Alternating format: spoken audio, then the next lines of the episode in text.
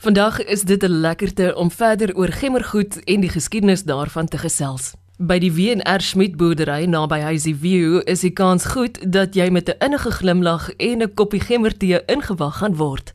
Ernst Schmidt is liever wat hy doen en dis gaaf om 'n paar makadamias saam met hom te kraak op die familieplaas waar 'n toekomsplan diep gewortel staan.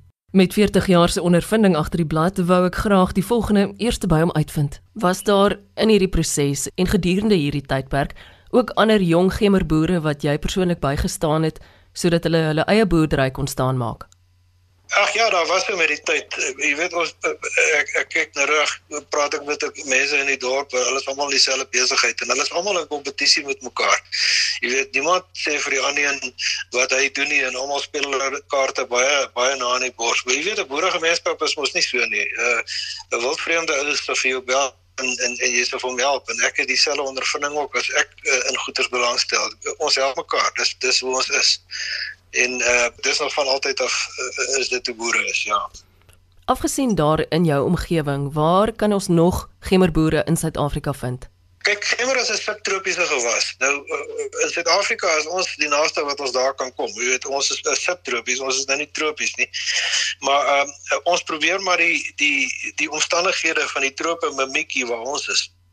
Nou op hierdie stadium word gemmer, kom ons stel dit so, die vereistes is 'n uh, baie hoë vog en 'n uh, 'n uh, lang warm somer. Ja, ek moet ook nou nie te warm word nie, want ek dink ek vermoed hierdie goed het aanvanklik uh, ons weet nie waar oorspronklik in Suidoos-Asië het hy ontstaan, maar ek dink hy het in oop son gegroei nie. Ek dink hy het in in in, in skadu gegroei want hy verkies verseker skadu weer bo oop son. Om um, die omstandighede te skep wat in die trope is, uh, koel ons om in ons omgewing af. So deur die warm deel van die dag het ons 'n fyn misbroeiers wat ons opsit om hom af te koel. En dit beperk eintlik baie die die area wat jy kan plant want jy moet daai area gelyk kan besproei en jy moet uh, jy moet baie water hê. So ons hou hom sê maar op 90 80 of 90% volgens hou die blaar na deur die warmtyd van die van die uh, uh die dag. Nou as ek nou vir jou dit sê, hoe nader mense aan die trope kom hoe beter. Nou in Suid-Afrika word dit in ons omgewing en bietjie noord in die noordelike provinsie geplant en dan word daar bietjie Natal ook geplant. So dit is maar die produksieareas in Suid-Afrika. Watter land is die grootste gemmerprodusent in die wêreld? Indië. Uh, Indië naaste by 'n derde van die van die wêreld se produksie uh, word in Indië geplant. En dan kort op al hakke China en dan in Nepal baie sterk oral in Suidoos-Asië en dan ook uh, in Nigerië en in Afrika, daar word ook baie gemmer verbou. As jy nou vinnig praktiese raad moes gee aan 'n voornemende gemmerboer, wat sou jou boodskap aan daardie persoon wees? Jy weet gemmer is 'n groente en as jy groente in Suid-Afrika bemark is waarskynlik jou belangrikste oorweging is mark. Jy weet jy kan vir jouself ryk boer hierso met produksie en met uh tonnemate en met 'n uh, somme, maar as jy nie 'n mark het nie, uh, dan dan moet jy nie eers begin nie. So ek sou sê die marknavorsing is die belangrikste. Die die groei aspekte, die verbouingsaspekte is nie so belangrik nie, alhoewel dit ook belangrik is. Uh so ek dink dit is my eerste raad aan aan voornemende boere, ja. Jy is 'n gemmerboer en dis heerlik om met jou te gesels en jy het 'n baie harde stem daar in jou gemeenskap ook en mense is baie lief vir jou. Wat is dit wat jy nog vir die res van 2021 wil doen en wat staan op daardie wenslys van jou? Dan ek uh, die net 2021 nie maak verder in die toekoms en wat my korttermyn en mediumtermyn doelwitte is is maar om te kyk of 'n ou meer eiers in daai nes kan kry en dit als nie net op eie grond landbou is nie. Dit is my groot doel vir die volgende jaar of 2 jaar. Jy weet ek is nou baie ouder om die kinders as uit die huis uit. So uh, dit is nou eintlik waar mense honde kry. Jy weet jy het ons goeie honde voor jy die dag trou en dan jy nooit jy goeie honde nie. Nou ek moet nou eintlik honde kry, maar ek is nie op die honde stadium nie. O, ek hou van reis. Ek hou ek het nou al die hele wêreld vol gereis. En in COVID maak dit so moeilik. Ons kan nie meer reis nie. Dis ook so belangrik dat ek geënt word.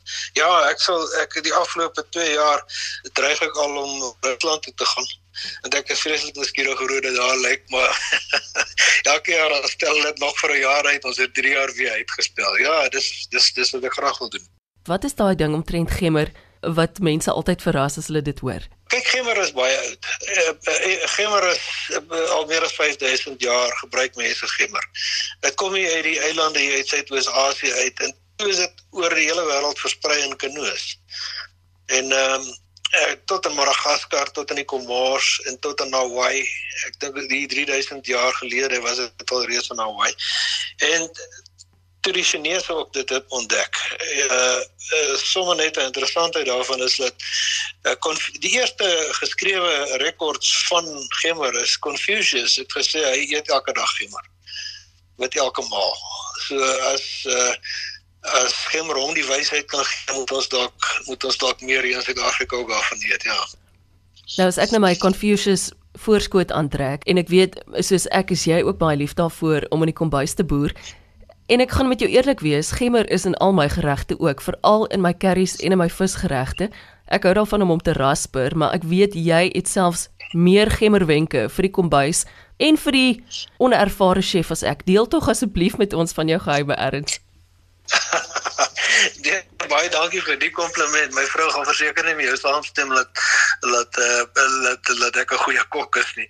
Maar ek, ek het jou vertel van van die die die kook van gemmer in die in die in die in die aftreksels wat mense uh, eider koud of warm kan drink. Party mense gooi heuning by, uh, party mense by vrugtesap. Dit is 'n lekker verfrissende drankie. Maar uh, die die waar ek van gemmer hou is uh, as ek 'n potjie maak, soos ons boere maar baie maak en ek wil 'n curry potjie maak, dan gebruik ek nogal baie gemmer.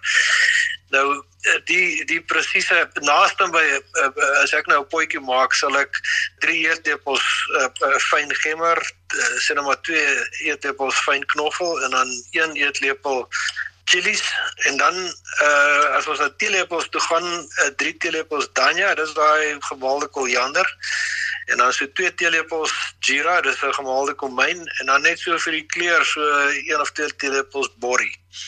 Nou as dit saam met jy weet sout en peper na smaak en dan so uh, eie en olie saam met 'n vleisie. Dis dis hoe ek curry maak. Ek maak nie met 'n met 'n poeier curry nie. Dis dis my curry.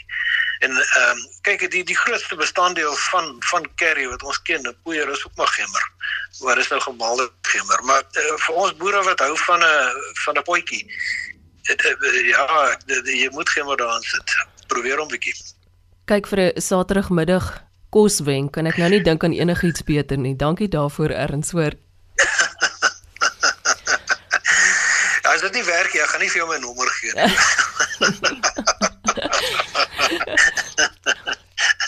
Erns op elke boerepad is daar soveel mense wat 'n mens ontmoet en wat jou na in die hart lê en wat jy nooit sal vergeet nie. Ek is seker in jou loopbaan was daar ook sulke mense.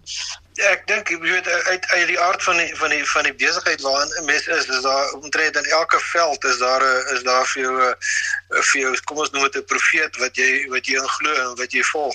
Jy weet soos daar 'n bemesting mense wat jy dink hier is die mense wat wat uh, wat wat vir jou leiding gee en in besproeiing is daar ander mense en en ek het so baie mense en alles.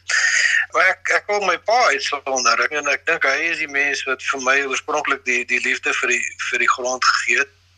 En uh, jy weet sommer daai die manier van boer en en uh, jy weet dis dis oorlewering wat vir my baie belangrik was. Uh, jy weet ons het uh, as kinders het, het, het hy sê boerderye probleme sit net maar met ons gedeel en ons het ons het ons ons boere van kleins af al jy weet hierso in stad 5 en 6 het al, begin tomaties plant en hoenders aanhou en jy weet al die goeters en later het ek self toe ek universiteit was het ek 'n stukkie gemmer geplant op my eie maar dit kom dit kom van my pa. Ek ek wil ek wil vir hom 'n krediet gee daarvoor.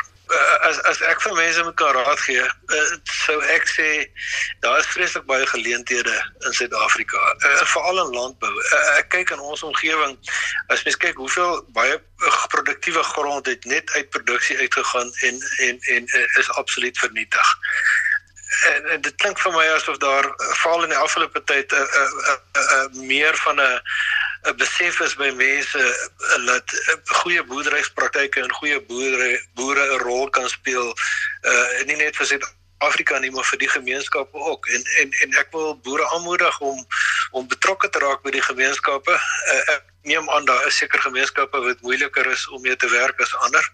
Maar ek dink jy weet dis geleenthede wat mens moet aangryp. Dit wil ek vir jou aan die een kant sê, maar ek wil ook aan die ander kant sê dat boere moenie met hulle eh, met hulle eh, broeke op hulle knie gevang word nie. Ek ek dink dit is vreeslik belangrik vir boere om nie al die eiers in een mandjie te hê nie. Jy weet eh, hierdie geleentheid wat ek nou van praat met gemeenskappe is ook 'n eier en 'n ander weet nog 'n eier in die nes. Ek dink boere moet dit aangryp. Maar nie net dit nie, ek dink boere moet weier kyk ook daarna. Ons werk in Afrika, die reëls is nie meer dieselfde nie. Ons moet aanpas by die nuwe reëls die die ons besigheid is is is vernoem na my pa weer van der Smit Pty Limited. Hy bly in Witrifuur. Uh ja en en jy weet die hele familie het op 'n stadium opgesplit en uh, al die broers is in verskillende rigtings. Uh, uh, ek is nog hier so in die omgewing. Ja, ek en my suster Marita, ons ons boer hier so by uh, uh, in Kiepersol weer. En waar presies in Suid-Afrika is dit? Aan ons is so 60 km noord van Nelspruit. By ons is seker binne 10 km van die Wildtuin af uh, as ek hier by, by my kantoor uitkyk dan sien ek die koppe daar in die wildtuin. En die brul van die leeu's? Nee. Hierso baie trokke in die paaie deesdae is hoor hulle nie meer nie. Dis tog. met die met die COVID, eh, met die met die dit was dit baie stiller. Het ons nou en dan het ons het ons leeu's gehoor. So hulle dis nog naby genoeg, maar dis net die geraas wat 'n bietjie pla ja. In feite het ons so rukkie terug 'n leeu hier op die plaas ook gehad. Hulle kom op tydjie uit en loop hier rond. Vertel nou eers vir my daai storie asseblief. ons het so rukkie gelede kry ons 'n boodskap hierso op 'n eh, op een van ons WhatsApp groepe uh, wat sê hier's 'n leeu in die omgewing. Jy weet nou die eerste vraag is eers wie is dit? Was dit nie dalk 'n Saterdag aand laat nie? En toe vind ons uit net maar dis uh, betroubare bronne en dis nie Saterdag aand laat nie en uh, toe kry ons nog foto's van die, van die van die spore ook. En O, oh, hier was mense wat hulle moes soek het. Party mense wou hulle skiet. En uh die uh, natuurbewaarders was ook hier vir hulle die leeu gesoek, maar hulle kon hom nooit kry nie. Daar was paar keer wat hy afgeneem is deur deur weet die sekuriteitskameras, dis 'n jong man haar gewees en hy was so 200 meter van my huis af wat ons die spore gesien het. Uh, en en ons is eintlik hier die plekkies is klein hier so uh, hier's baie mense. En mens kan nie glo dat hy vir maande hier tussen tussen alles kon oorleef nie. Wat van hom geword het weet ek nie. Maar hy was hier ja. ek hoop van harte hy is terug wildtuin toe erns. Ek hoop ook so weet as iemand hom sou skiet by ons het ons gesê het nie. Of hy terug wil teen toe uit so nou en dan 'n beeste gevang hierso van van van die mense hier in die omgewing. Maar uh, wat van hom geword het weet ons nie. Ek sou sê dit is steeds maande terug. Natuurlik so elke nou en dan op Saterdag aand sou so iemand nog sê hy het hom gesien maar Saterdag aand verslae moet ou maar nie moet ou maar nie mooi na luister nie. Terwyl die drankverbod daar was ja maar nie daarna nie. Ja nee kyk daai gemmerlikeur is heeltemal te lekker En op daardie vriendelike boerenoot wil ek jou daaraan herinner dat Ernst Schmidt se storie een is wat jy met nog iemand kan deel na jy dit maklik gevind het op die webtuiste van RSG. Ek is Eloise Pretorius en ek wens jou 'n wonderlike Saterdag waar jy jou ook al bevind in die mooi land van ons. Totsiens.